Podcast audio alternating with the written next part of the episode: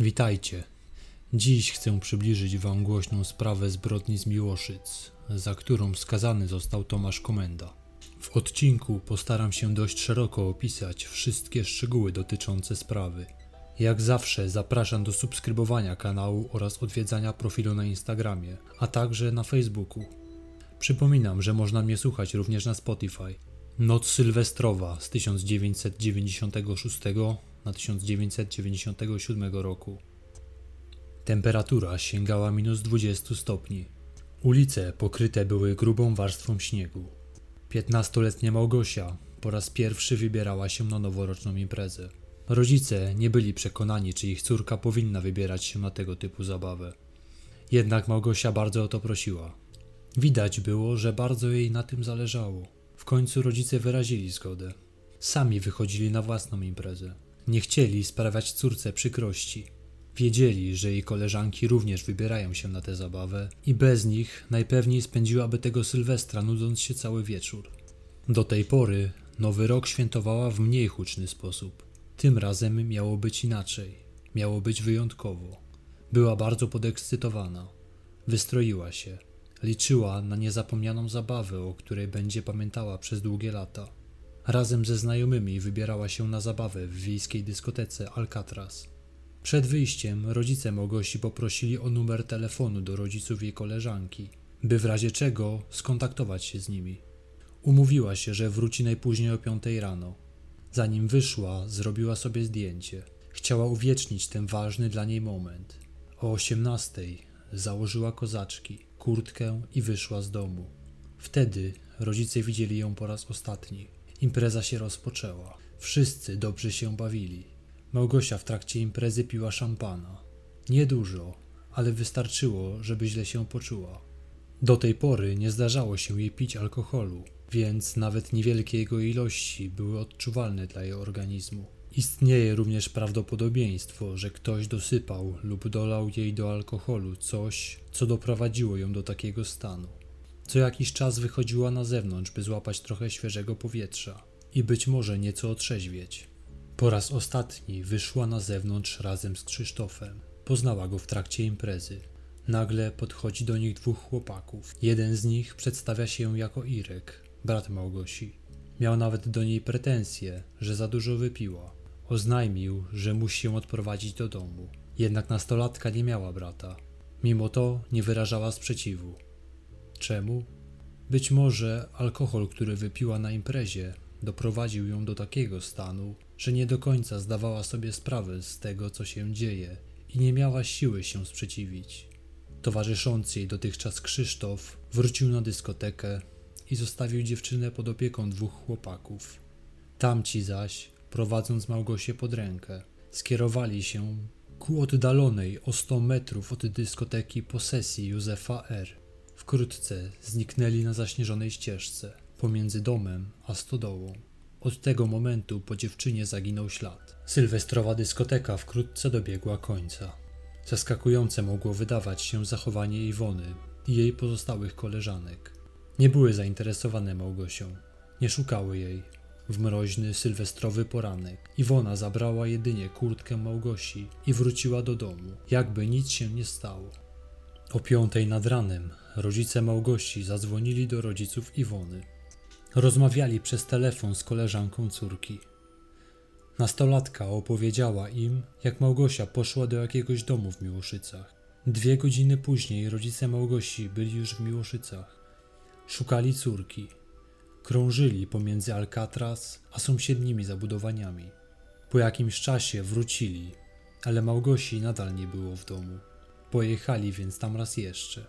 Byli przy posesji Józefa R., jednak on nie wpuścił Kwiatkowskich do domu. Rozmawiano zatem na zewnątrz. Pytali gospodarza i jego rodziny, czy czegoś nie widzieli, czy nie słyszeli o Małgosi, ale oni zaprzeczyli. Zrozpaczeni rodzice do południa poszukiwali córki w Miłoszycach. O trzynastej zgłosili jej zaginięcie. Piętnaście minut później Józef R. powiadomił policję o odnalezieniu zwłok za stodołą. To właśnie na teren tej posesji nie zostali wpuszczeni poszukujący dziecka rodzice. Okazało się, że znalezione ciało to zaginiona Małgosia. Leżała naga na sukience, poraniona, bez butów, jedynie w jasnych skarpetach z czerwonym paskiem. Było sporo krwi wokół. Obok leżała też kominiarka. Na miejscu, w którym leżało ciało, znaleziono również damską chusteczkę z zaschniętą krwią. DNA na niej nie należało do zamordowanej. Nie odnaleziono natomiast kozaczków Małgosi. Dziewczyna została brutalnie zgwałcona. Sprawcy długo się nad nią pastwili, bili, kopali i gryźli. Miała porozrywane narządy rodne. Biegli orzekli, że ciosy zadano ofierze narzędziami tempokrawędzistymi lub nawet kijem. Ciało było zmasakrowane. Osoby odpowiedzialne za tę zbrodnię działały w sposób wyjątkowo sadystyczny. Po zgwałceniu, pobiciu i zmasakrowaniu ciała Małgosi, sprawcy zostawili ją rozebraną na mrozie. Najprawdopodobniej jeszcze żyła. Być może próbowała czołgać się jeszcze po śniegu, jednak mróz, jaki panował tej nocy, był bezwzględny. Naga dziewczynka była zostawiona na pastwę losu, bez żadnych szans na przeżycie. Wykrwawiła się i wyziębiła na śmierć. Podobno ludzie słyszeli, jak błaga o pomoc, gdy czołgała się po śniegu. Ktoś słyszał, jak wzywała mamę, ale mimo to nikt się nie zainteresował. Na dyskotece bawiło się blisko pół tysiąca ludzi. Teraz ci, którzy coś słyszeli, tłumaczą, że byli przekonani, że to tylko jedna z wielu sąsiedzkich awantur. Dochodziło do nich często w okolicy. Należało teraz znaleźć sprawców tego makabrycznego mordu. Mieszkańcy wsi od początku byli zastraszeni. Z całą pewnością coś wiedzieli, ale bali się mówić o tym policji. Urząd gminy w Wielczu Laskowicach, do której należały Miłoszyce, wyznaczył nagrodę 10 tysięcy złotych dla osoby, która przyczyni się do schwytania sprawcy. Mimo to nie zgłosił się nikt, kto mógłby pomóc ustalić, kim byli zabójcy. Potencjalni świadkowie byli zastraszani. Jeden z ochroniarzy, Norbert, zeznał, że widział tej nocy zamordowaną dziewczynkę w towarzystwie Marcina Eł, syna lokalnego biznesmena. Powiedział, że był zastraszany. Grożono mu, że on i jego dziewczyna zostaną zabici. Jako sprawców wskazywał funkcjonariuszy Komendy Wojewódzkiej Policji. Mimo zgłoszenia sprawy do prokuratury, szybko została ona zamknięta, bez wszczynania śledztwa. Prokurator, która zamknęła sprawę, stwierdziła cynicznie, że najprawdopodobniej Norbert źle zrozumiał intencje policjantów. Potem Norbert wycofał się z tych zeznań. Nie chciał podać przyczyny zmiany decyzji, ale najprawdopodobniej został skutecznie zastraszony. Inna kobieta miała przekazać policji ważne informacje dotyczące tej sprawy. Była to Anna Eł. Miała ona obciążać również Marcina Eł. Jednak gdy zdecydowała się zeznawać, została napadnięta i uprowadzona. Porywacze, podający się za policjantów, swabili ją do auta, a tam upoili alkoholem. Następnie została zastraszona, że jeśli nie wycofa zeznań obciążających Marcina Eł, to jej życiu będzie zagrażało niebezpieczeństwo. Powiedziała, że została ostrzeżona, że zdechnie tak jak tamta. Marcin miał brata, Michała, jednak jego udział w sprawie był wykluczony ze względu na alibi. Kolegował się z policjantami, z którymi spędzał ten wieczór. Mimo wszystko, funkcjonariusze policji wszystkie działania śledcze skierowali przeciwko Michałowi Eł. Przesłuchiwali go, pobierali jego DNA, porównali odciski zębów ze śladami odciśniętymi na skórze Małgosi. To o tyle dziwne, że przecież sami dali mu alibi, twierdząc, że bawił się razem z nimi na imprezie. Być może były to działania mające na celu pozorowanie przeprowadzenia dochodzenia, jednocześnie odsuwając podejrzenia od brata Michała. Krążyły plotki, że w sprawę zamieszani są lokalni policjanci, którzy również tamtej nocy bawili się w tym klubie. Niestety sprawa utknęła w miejscu. Tymczasem na ciele zamordowanej znaleziono dwa obce włosy łonowe. Inny włos odnaleziono na kominiarce. DNA włosa odnalezionego na kominiarce przy ciele Małgosi było takie samo jak włosa odnalezionego koło cmentarza i stawu w Wielczu Laskowicach. W tamtym miejscu również doszło do gwałtu, niedługo przed zbrodnią dokonaną w Miłoszycach. Sprawcy nie ustalono. W tamtym przypadku ofiara przeżyła. Na tym etapie śledztwa można było stwierdzić, że obie zbrodnie zostały dokonane przez tego samego sprawcę. W późniejszym czasie dochodziło do kolejnych gwałtów. Wszystkie były najprawdopodobniej sprawką tego samego człowieka. 4 stycznia 1997 roku przesłuchano Ireneusza M. Tego wieczoru wraz z kolegą przyjechali do Józefa R. rowerami. Kolega Irka był chłopakiem jednej z córek Józefa. Zatrzymali się u niego i tam pili. Irek opowiadał tylko o Małgosi, że nawet siedziała komuś na kolanach, że tańczyła na scenie i jak była ubrana. Mówił również o jasnych skarpetkach z czerwonym paskiem, które Małgosia miała na nogach pod kozaczkami i czarnymi rajstopami. Wtedy nikt nie skojarzył, że skarpetki z czerwonym paskiem nie mogły być widoczne pod czarnymi rajstopami. Zatem, by je zobaczyć, należało dziewczynce ściągnąć zarówno buty, jak i rajstopy. Gdyby wtedy zwrócono uwagę na ten szczegół, być może sprawa potoczyłaby się inaczej. Te zeznania powinny uczynić z Ireneusza głównego podejrzanego. Wspomniane skarpety nagle zniknęły i nigdzie nie można było ich odnaleźć. Wygląda to na celowe usuwanie dowodów w tej sprawie.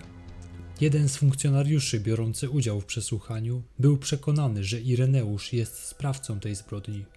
Z początkiem 1997 roku nieoczekiwanie do winy przyznał się Krzysztof K. Miał zaprowadzić ofiarę w kierunku stodoły i za jej zgodą mieli uprawiać seks. Powiedział, że potem oddał ją pod opiekę innych osób i się oddalił. Tak w każdym razie mówił i nawet naszkicował, gdzie się to wszystko odbyło. Wykrywacz kłamstw potwierdził prawdziwość zeznań dotyczących tego, że był z Małgosią, ale nie potwierdził, że był z Małgosią na miejscu zbrodni. Potem powiedział, że zeznania były na nim wymuszone przez funkcjonariusza, który kiedyś był milicjantem. Najprawdopodobniej Krzysztof K. podpisałby wszystko, co by mu dano do podpisania. Później odwołał wszystko, co powiedział i rozpłakał się podczas konferencji z rodzicami ofiary. Po latach dziennikarze TVN-u próbowali się skontaktować z Krzysztofem, jednak nie byli w stanie. Początkowo byli okłamywani, że wyjechał za granicę do pracy. Gdy udało się uzyskać telefon do Krzysztofa, ten szybko się rozłączał, gdy został poinformowany, że rozmawia z dziennikarzem. Nie można mieć pewności, że Krzysztof brał udział w zabójstwie, jednak można podejrzewać, a wręcz być pewnym, że wie on, kto dokonał tej zbrodni. W zagrodzie Józefa R. znaleźć można taką samą biżuterię, jaką miała na sobie Małgosia w dniu śmierci. Jednak mimo wszystko policjanci nie ściągnęli z niej odcisków palców. Matka nie była jednak w stanie w stu procentach określić, czy na pewno to ta sama biżuteria. Policja stwierdziła, że ten sam wygląd nie oznacza, że to jest ta sama biżuteria. Policja postanowiła zatem zwrócić ją rodzinie Józefa. Potem ślad po niej zaginął. To kolejny dowód, który ginie bezpowrotnie, bez odpowiedniego zabezpieczenia. W trakcie prowadzenia śledztwa przewinęło się przez nie pięciu prokuratorów. Jeden z nich odpowiadał za branie łapówek, m.in. od gangsterów. Po trzech latach chodzenia śledczych po omacku pojawił się nowy trop w sprawie. Po wyemitowaniu programu 997 dotyczącego zbrodni, która wydarzyła się w Sylwestra z 96 na 97 roku w Miłoszycach, zgłosiła się kobieta. Była to Dorota P. Twierdziła, że w przedstawionych w programie portretach pamięciowych rozpoznaje Tomasza Komendę. Dorota była sąsiadką babci Tomasza. Na dwóch pozostałych portretach rozpoznała podobizny ojca i brata mężczyzny. Swoją wiedzą podzieliła się w trakcie swoich imienin ze Sławomirem D. Pracował on wtedy w pionie kryminalnym Komendy Wojewódzkiej. Poinformował o tym prowadzących śledztwo, którzy przesłuchali Dorotę. Był to przełom. W końcu udało się znaleźć człowieka, którego można przypisać do tej zbrodni. Śledczy w swoich działaniach byli bardzo zdeterminowani. Na tyle, że ignorowali wszelkie dowody, które eliminowały Tomasza jako sprawcę. Natomiast wszelkie poszlaki, które pasowały do niego, przyjmowano bezrefleksyjnie jako pewnik. Jak się później okazało, Dorota P. składała już w innych sprawach fałszywe zeznania. Jednak nikt nie pofatygował się, by to sprawdzić.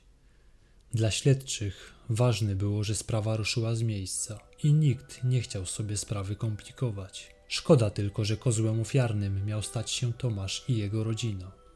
Po latach kobieta przyznała, że jej zdaniem chłopak był niewinny, a ukazany w telewizji portret wydawał się jej podobny. Dlatego wskazała go jako sprawcę podczas luźnej rozmowy na domowej imprezie. Potem sprawy potoczyły się same.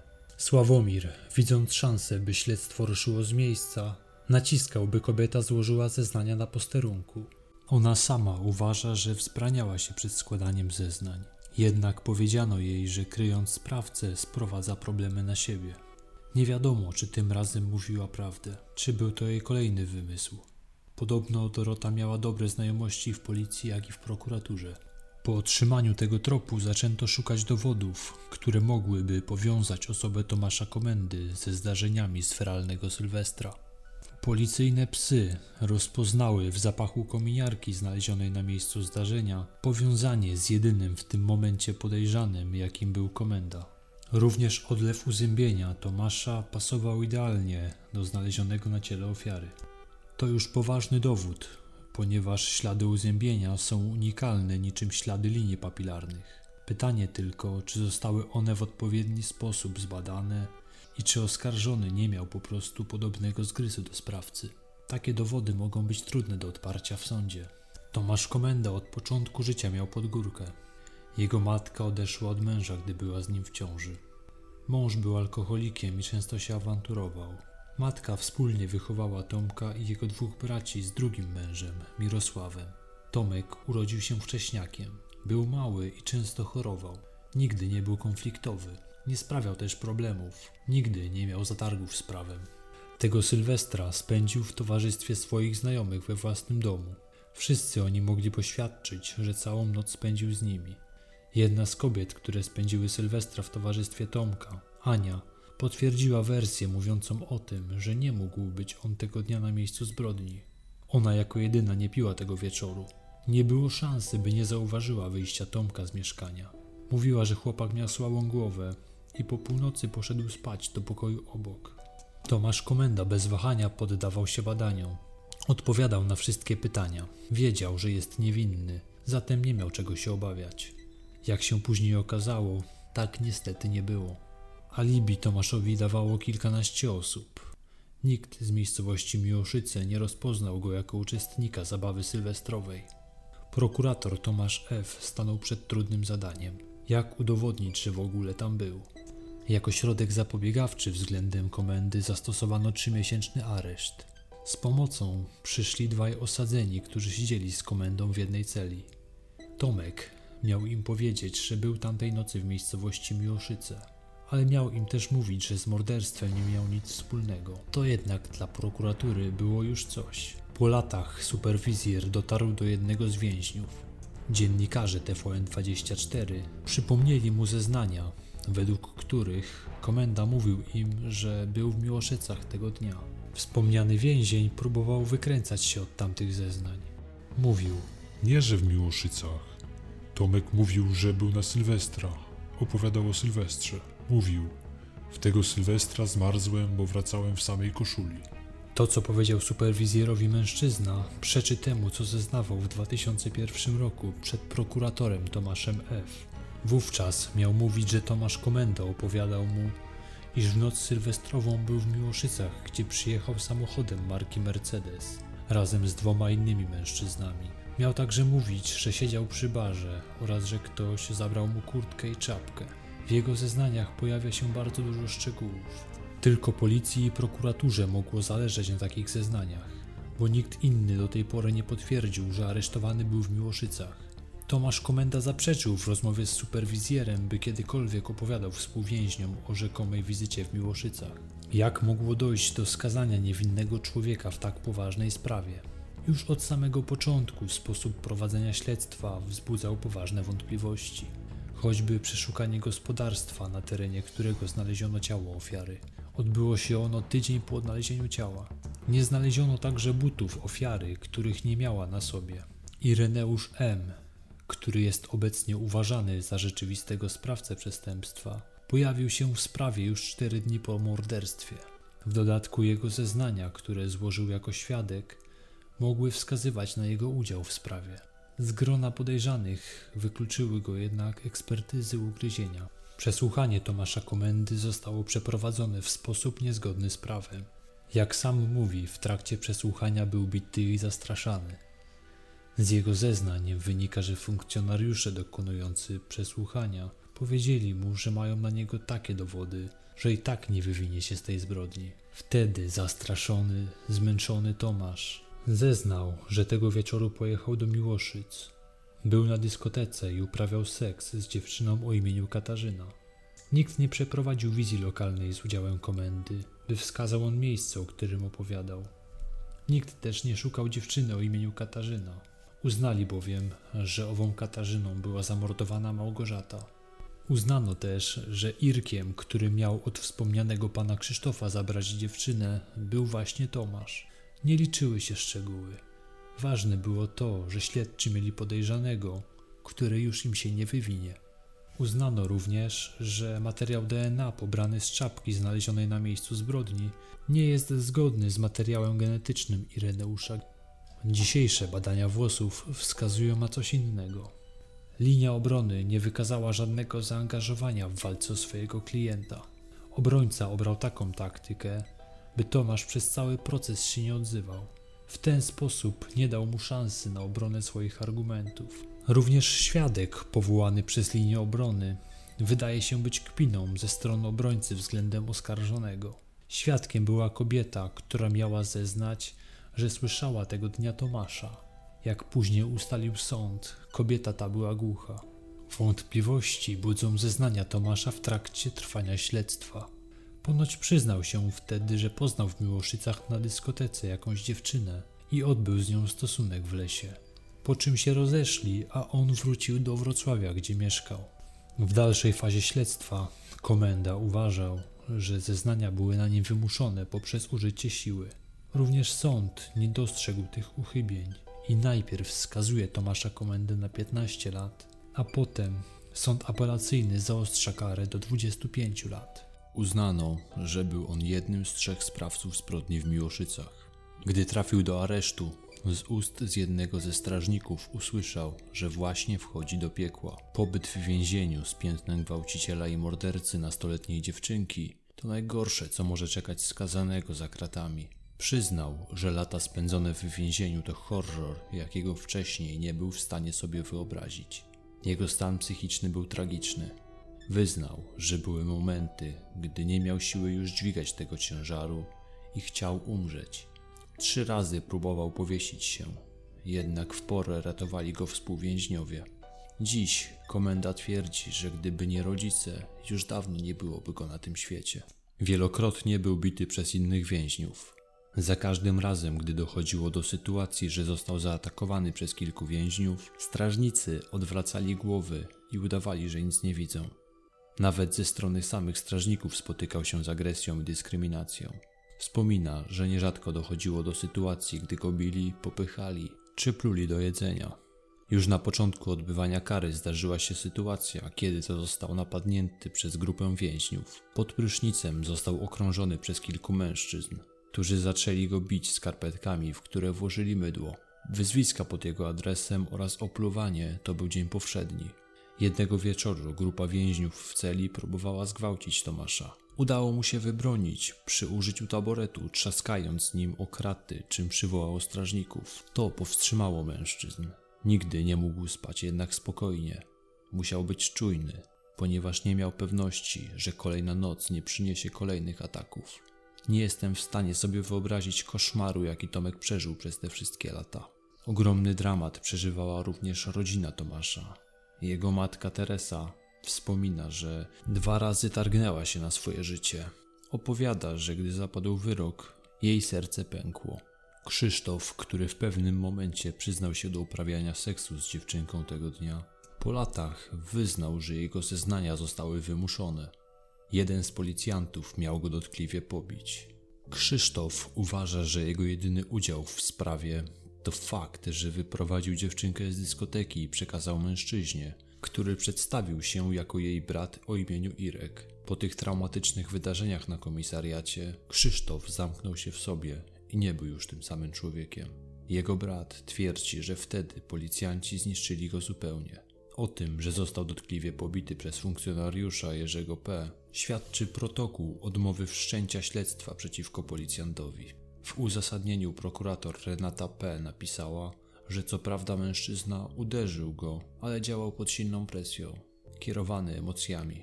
Ten sam mężczyzna trzy lata później miał pobić Tomasza Komendę. Rodzicom zmarłej dziewczynki bardzo zależało na ustaleniu pozostałych sprawców zabójstwa. Przez lata walczyli o wznowienie śledztwa. W 2017 roku ich prośby zostały wysłuchane. Minister Sprawiedliwości, prokurator generalny Zbigniew Ziobro zdecydował, że prokuratura jeszcze raz zajmie się zbrodnią miłoszycką. Od prokuratury okręgowej we Wrocławiu sprawę przejął Dolnośląski Wydział Zamiejscowy Prokuratury Krajowej. Powołano specjalną grupę operacyjno-śledczą, w której skład weszli najlepsi funkcjonariusze z Wydziału Kryminalnego Centralnego Biura Śledczego Policji. Pracowali w tajemnicy. Na efekty nie było trzeba długo czekać. Po ponownej kilkumiesięcznej analizie akt sprawy nastąpił kolejny przełom. Nowe dowody wskazywały, że winnym śmierci Małgosi może być Ireneusz M., odsiadujący wówczas wyrok za inne gwałty. Zwrócono w końcu uwagę na zeznania złożone 20 lat wcześniej, których to Ireneusz wspomina o skarpetkach dziewczynki, których nie mógł widzieć pod czarnymi rajstopami. Widzieć je wtedy mogli jedynie sprawcy. Śledczy nie mają wątpliwości co do winy Ireneusza M. Jak twierdzą, jego ślady DNA są praktycznie na każdej części odzieży dziewczynki. Materiał dowodowy pozwolił w czerwcu 2017 roku postawić M zarzuty dokonania gwałtu ze szczególnym okrucieństwem, a także zabójstwa. Jeden ze znajomych zeznających w sprawie wyznał, że Ireneusz niejednokrotnie chwalił się, że miał niezawodny sposób na upijanie dziewczyn. Dolewał im wodę utlenioną do alkoholu. W ten sposób upijały się znacznie szybciej. Wtedy mógł bez ich oporu uprawiać z nimi seks. Być może tak samo było w przypadku Małgosi. Mimo iż nie wypiła wiele alkoholu na imprezie, czuła się naprawdę kiepsko. Miała mdłości i ledwo była w stanie utrzymać się na nogach. 6 września 2020 roku kończyła się kara więzienia, jaką odbywał Ireneusz za inną zbrodnię.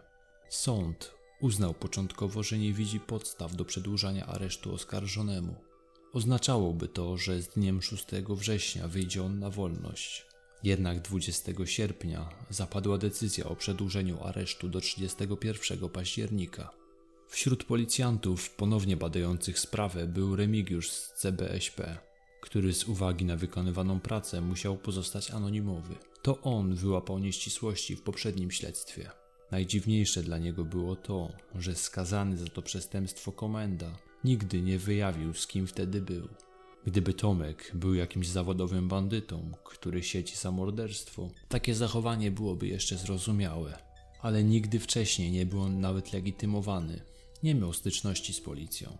Dziwne było, że gdyby sam był sprawcą, nie wskazał innych osób, tylko wziął wszystko na siebie. Jak pokorne ciele poszedł na 25 lat od siatki. Wykonana po 20 latach ekshumacja ciała Małgorzaty wykazała tylko to, czego śledczy się już domyślali. Na ciele i ubraniach dziewczyny nie było żadnych śladów DNA, które świadczyłyby o udziale Tomasza Komendy w tej zbrodni.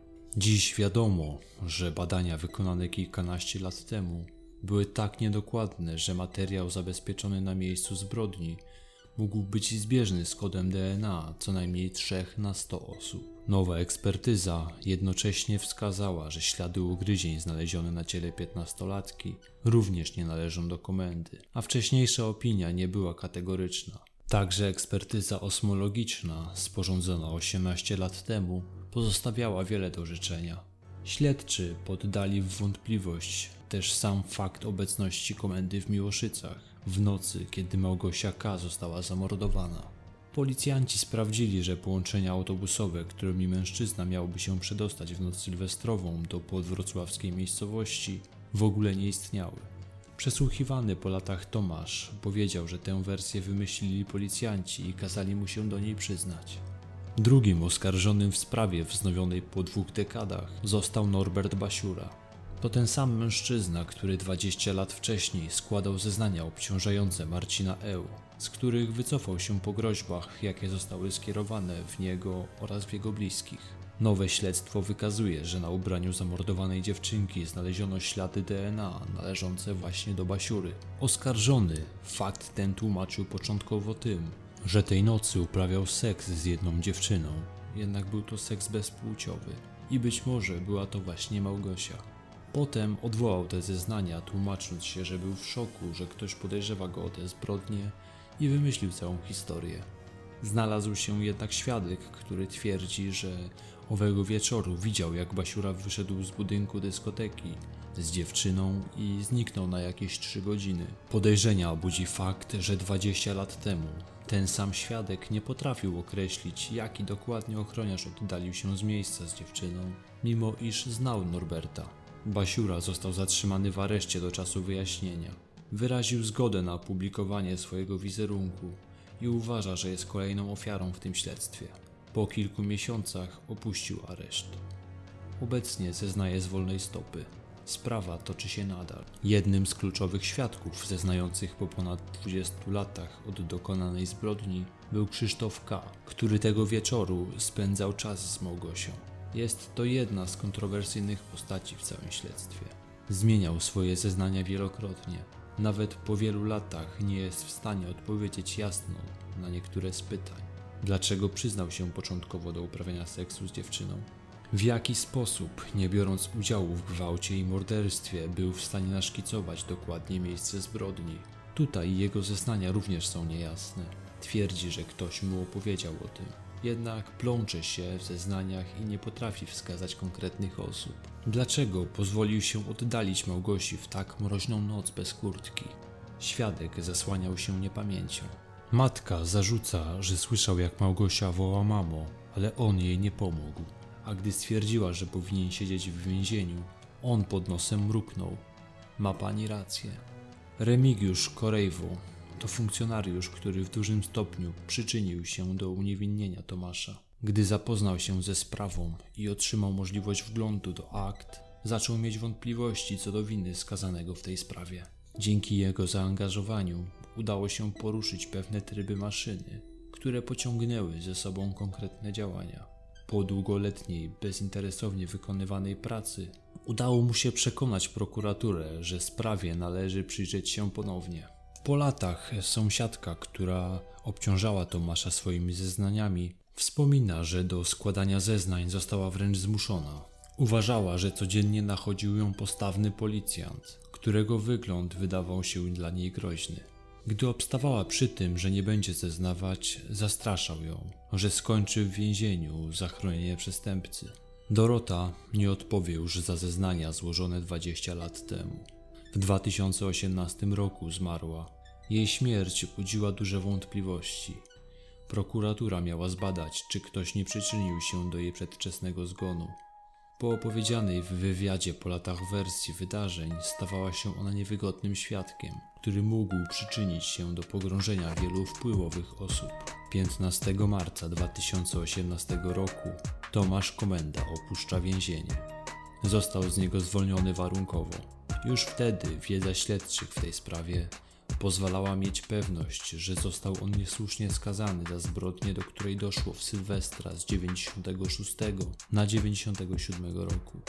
16 maja 2018 roku oficjalnie Sąd Najwyższy uniewinnił go w tej sprawie. Dziś Tomek próbuje ułożyć sobie życie. Jego marzeniem po wyjściu z więzienia było znalezienie żony, z którą potem będzie miał dziecko. Po jakimś czasie poznał dziewczynę za pośrednictwem portalu randkowego, z którą w związku pozostają do dziś. Para zamieszkała nawet razem. Komenda pomaga kobiecie w wychowywaniu dwóch synów. Obecnie toczy się sprawa odnośnie odszkodowania, jakie ma otrzymać w ramach zadośćuczynienia za 18 lat spędzone za kratami.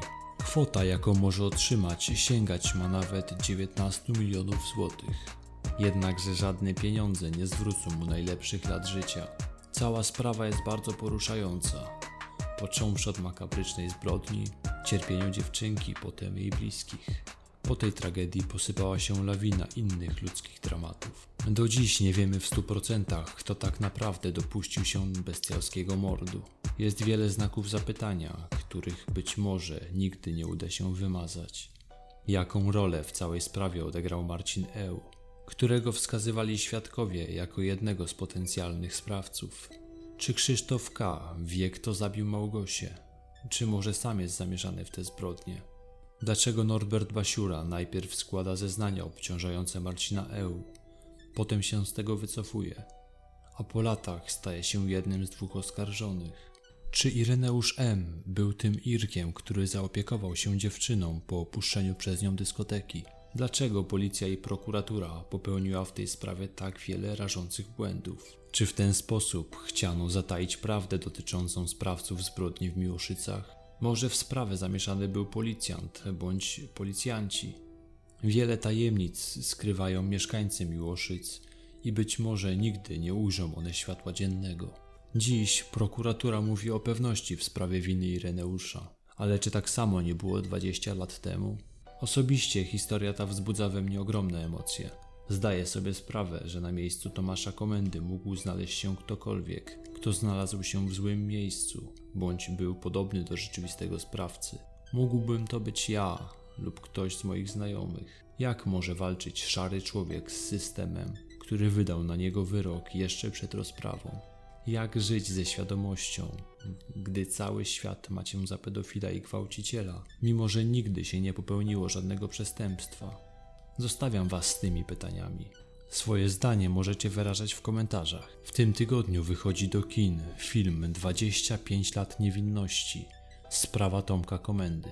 Nie wiem jak wy, ale ja wybieram się do kina. Mam nadzieję, że twórcy wiernie odtworzą tę historię. Ja rozpoczynam dziś urlop. Wyjeżdżam na zasłużony odpoczynek, więc najprawdopodobniej nie uda mi się zrealizować odcinka w przyszły czwartek. Jednak potem wrócę ze zdwojoną siłą. Jeżeli macie propozycje na tematy kolejnych odcinków, podzielcie się nimi. Do usłyszenia w październiku.